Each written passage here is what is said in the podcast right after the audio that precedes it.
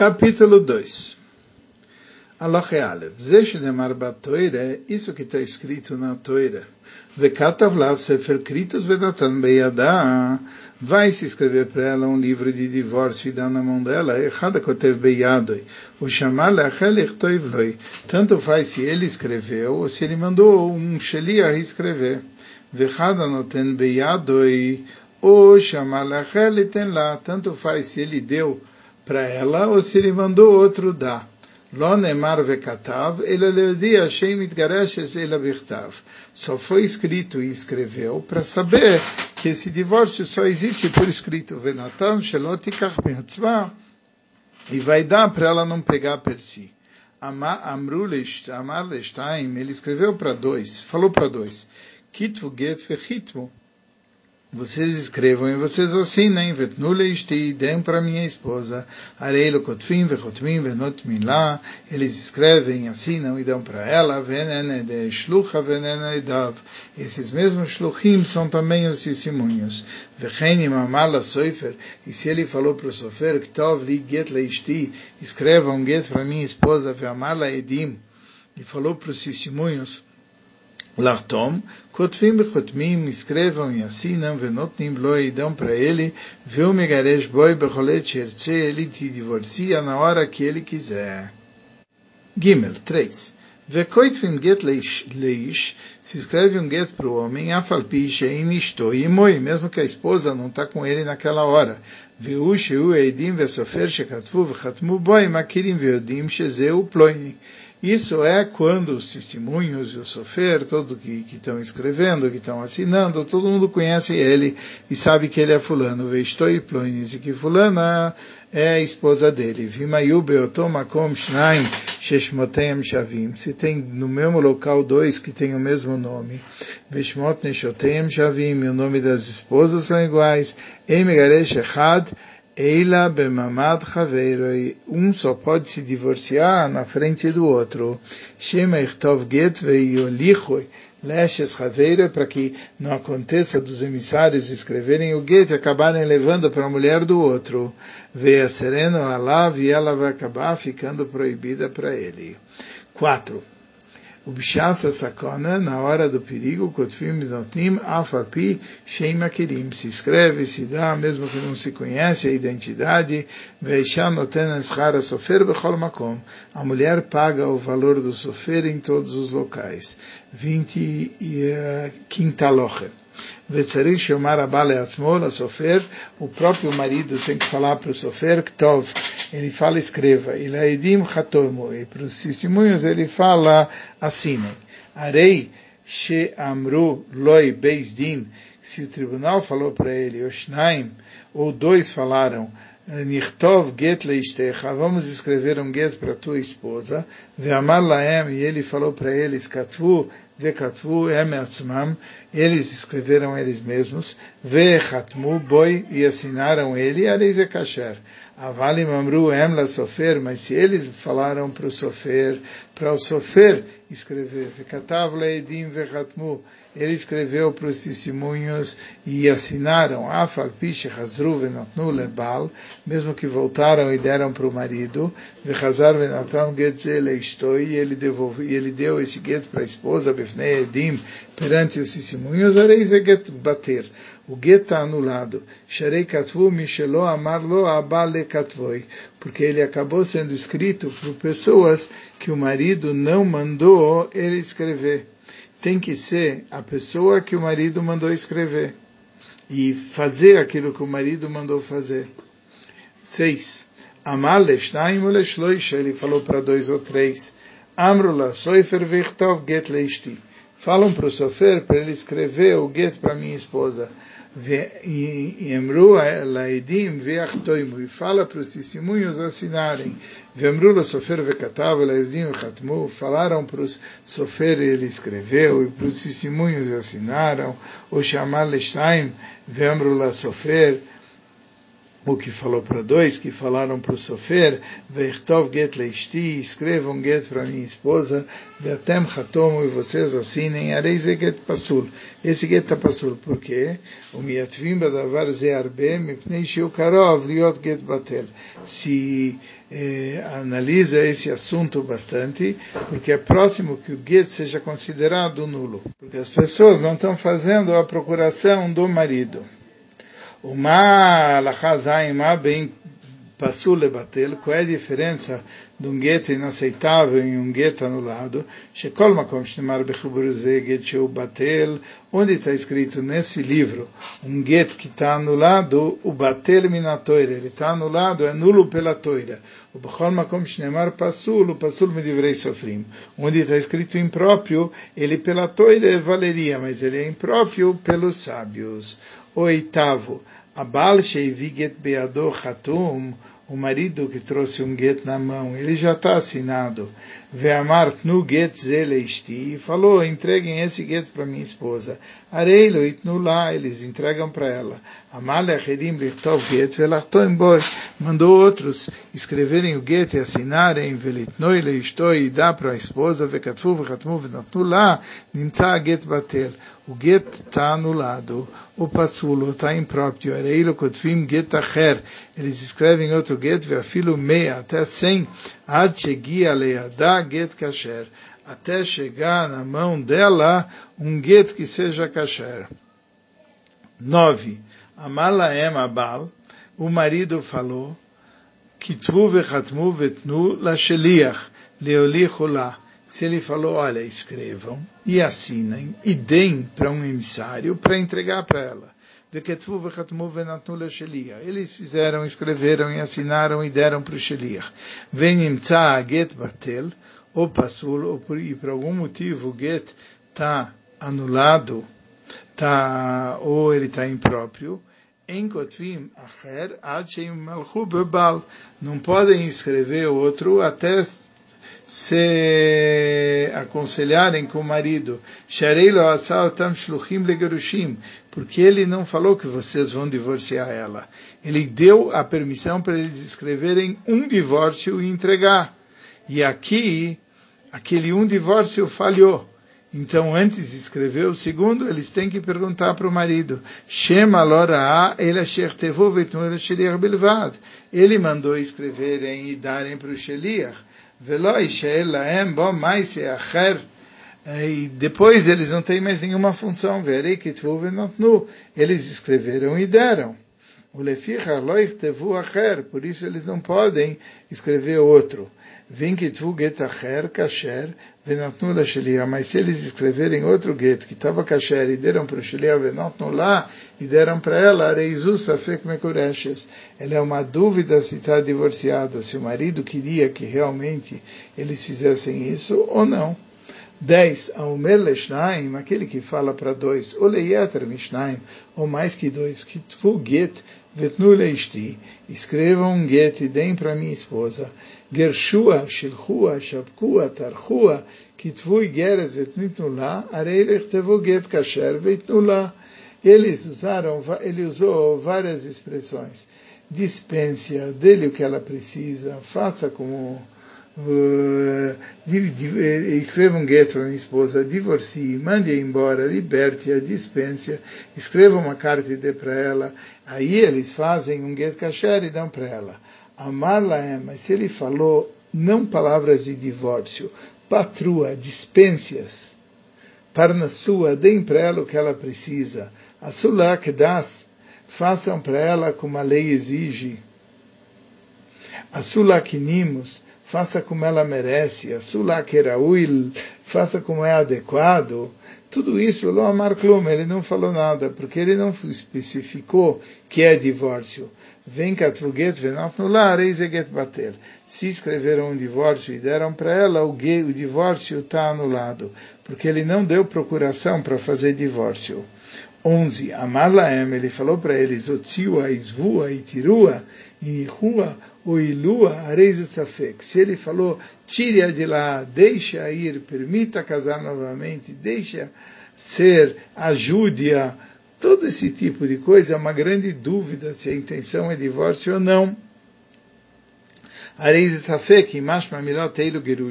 Se essas palavras querem dizer divórcio, ou em outro assunto, lefichach, em Kotvim lá, por isso não se escreve para ela. Vem Katvu Get, Venatnu lá, mas se escreveram um divórcio e deram para ela, Areize Safek Mekureshes, essa é uma dúvida se está divorciada. 12. Aomer Kitvu Get Leishti. Escrevam um get para minha esposa. Areilo Kotvim Vechotmim Venotnim Lebal. Eles escrevem e assinam e dão para o marido, beiado na mão dele. Vem Notnim Leishtoi, mas não dão para a esposa. Por quê? Porque ele não mandou dar, ele mandou escrever o get. Ad shomar laem, até que ele diga, dá para ela. Vem natnu lá, e no se deram para ela, não é get. Quando se trata bebari, isso é uma pessoa saudável. Alma mesukan, alguém que está perigoso, viu? Adam shkafat salav roili, alguém que pegou uma doença primeira rapidamente verbida alav rolioi, e a doença está muito pesada, miad. Veiotze bekolar, aquele que está sendo levado, capturado, veafilo aliskei mamon, que mesmo sobre assuntos monetários, Vemefaresh Bayam, aquele que foi para o mar, Veiotze Bishayara, aquele que sai numa caravana, Veamar Tvu Get Leishti, escreva um get para minha esposa, Areilo Irtevu Viachtemu Veitnu lá. Nesse caso, a ideia é fazer, assinar e dar, porque ele está querendo liberar ela. ele tem lá, que a pessoa sabe que ele, tem, que ele tem intenção de escrever e já dá para ela. 13. Barishi Amar Kitvu Get Leishti, uma pessoa saudável que falou, escrevam esse get para minha esposa. Vekatvu Vechatmo, escreveram e assinaram, lá e deram para ela, Veragatzmo, e ele se suicidou. Miad, em seguida, que ele se jogou do teto, ou Ipilatzmo Layam, ou se jogou no mar, Areizeget Kasher, o get está kasher.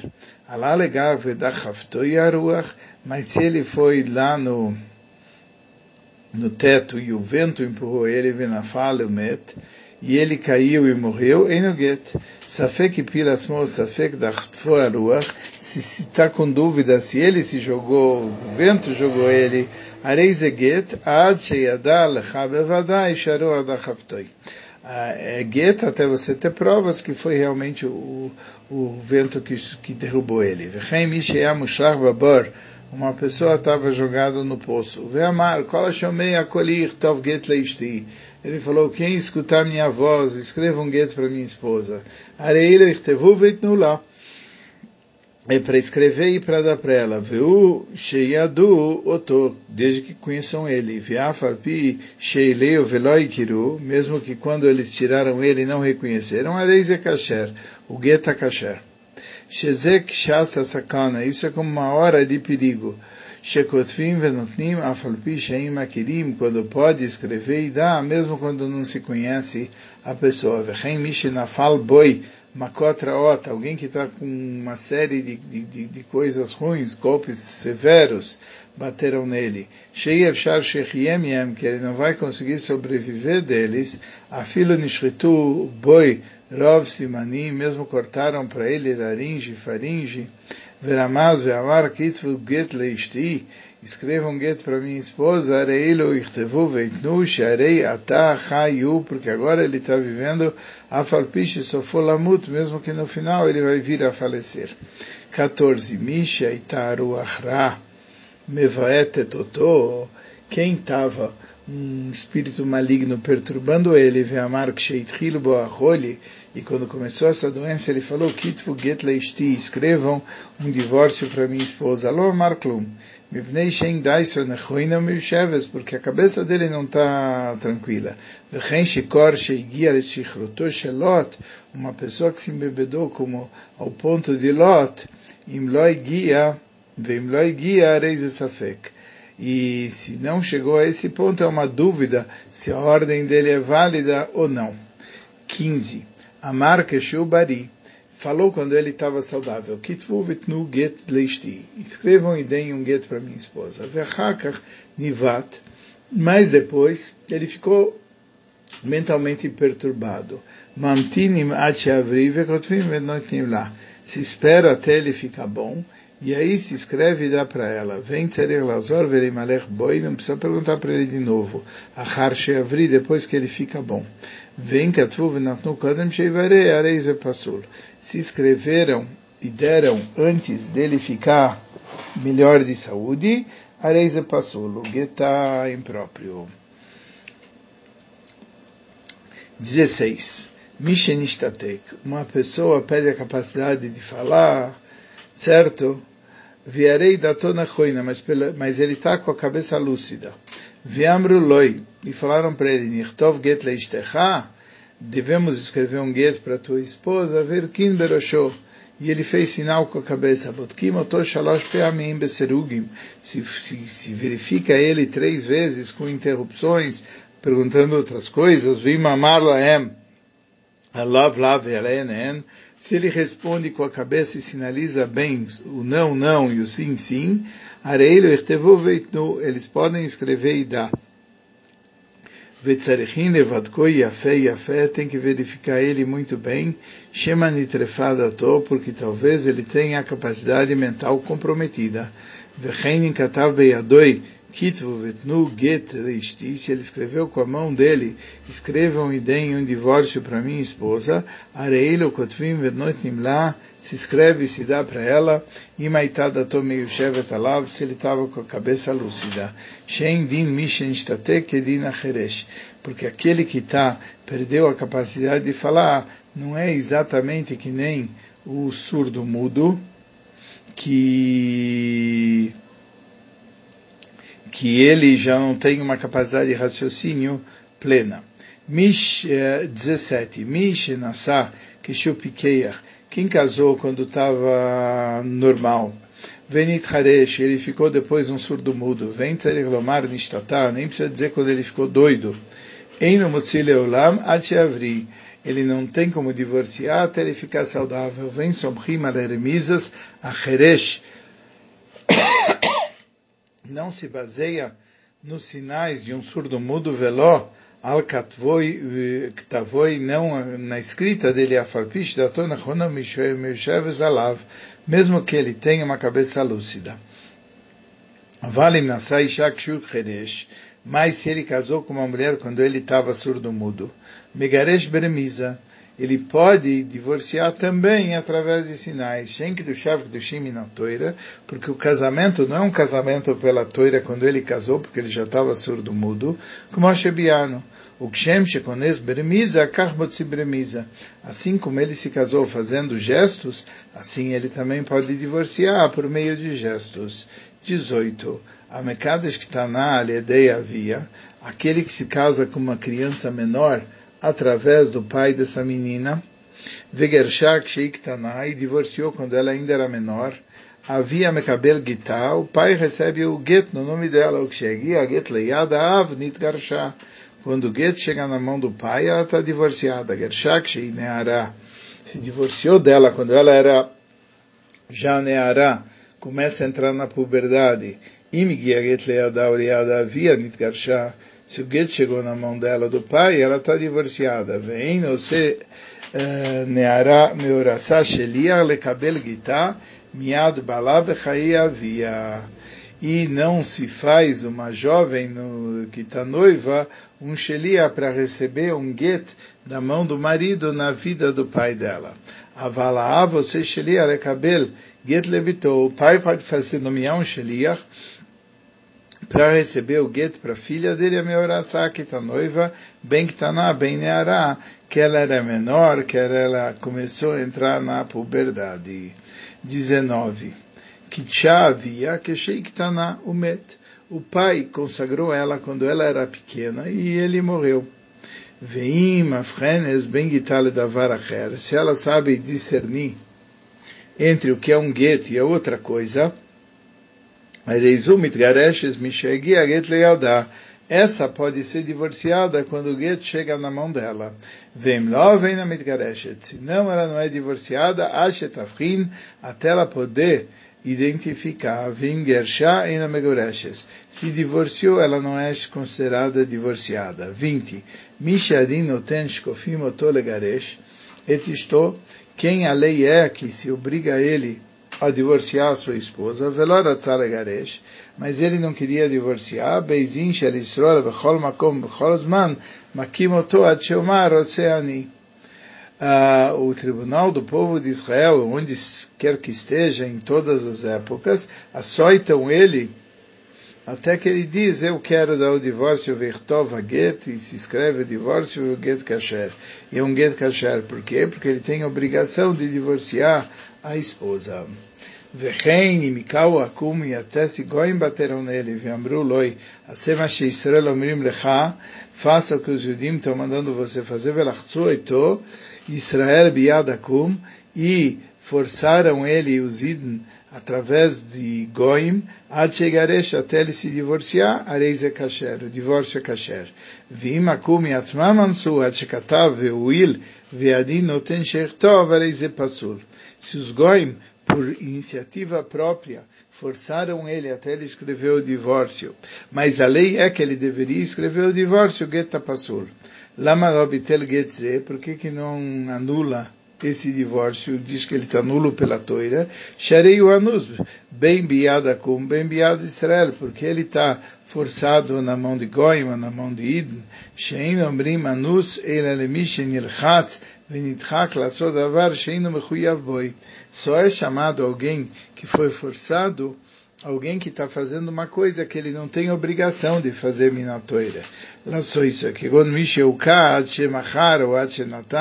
Como, por exemplo, alguém que bateram nele até que ele vendeu, até que ele deu, mas ele não tinha obrigação de vender ou dar. Mas quem o Yetzer está forçando ele, levater mitzvah, não fazer uma mitzvah, laçou saveira, ou fazer uma aveira, veuká, atchassadavar shchayav laçoisoi, e ele apanhou até ele fazer a coisa que ele tem a obrigação de fazer, o adshenitrachek midavar asur laçoisoi, ou até se afastar daquela coisa que ele está proibido de fazer, enzeanus, isso não é chamado alguém forçado mimeno. Ele, o anasa atzmo, ele está fazendo a coerção para ele mesmo. Bdai Suara, através do pensamento negativo dele, Lefichar Ze Sheano Sheino Rotze Legaresh, isso que ele não quer divorciar, Meachar Sheu Rotze Yot Israel, como no final ele quer ser um Id, Verotze Ula Sois Kol mitzvahs, ele quer fazer todas as mitzvahs, o Leitrachek Mina Averas, se afastar dos pecados, o Etzro, o Shetakfo, e a dele que está forçando, que Sheuka, Ashtashash Etzro, quando ele, ele apanha até o Yetzer dele ficar enfraquecido, e ele fala, eu quero, isso quer dizer que ele, no fundo, a vontade original dele, ele se revelou.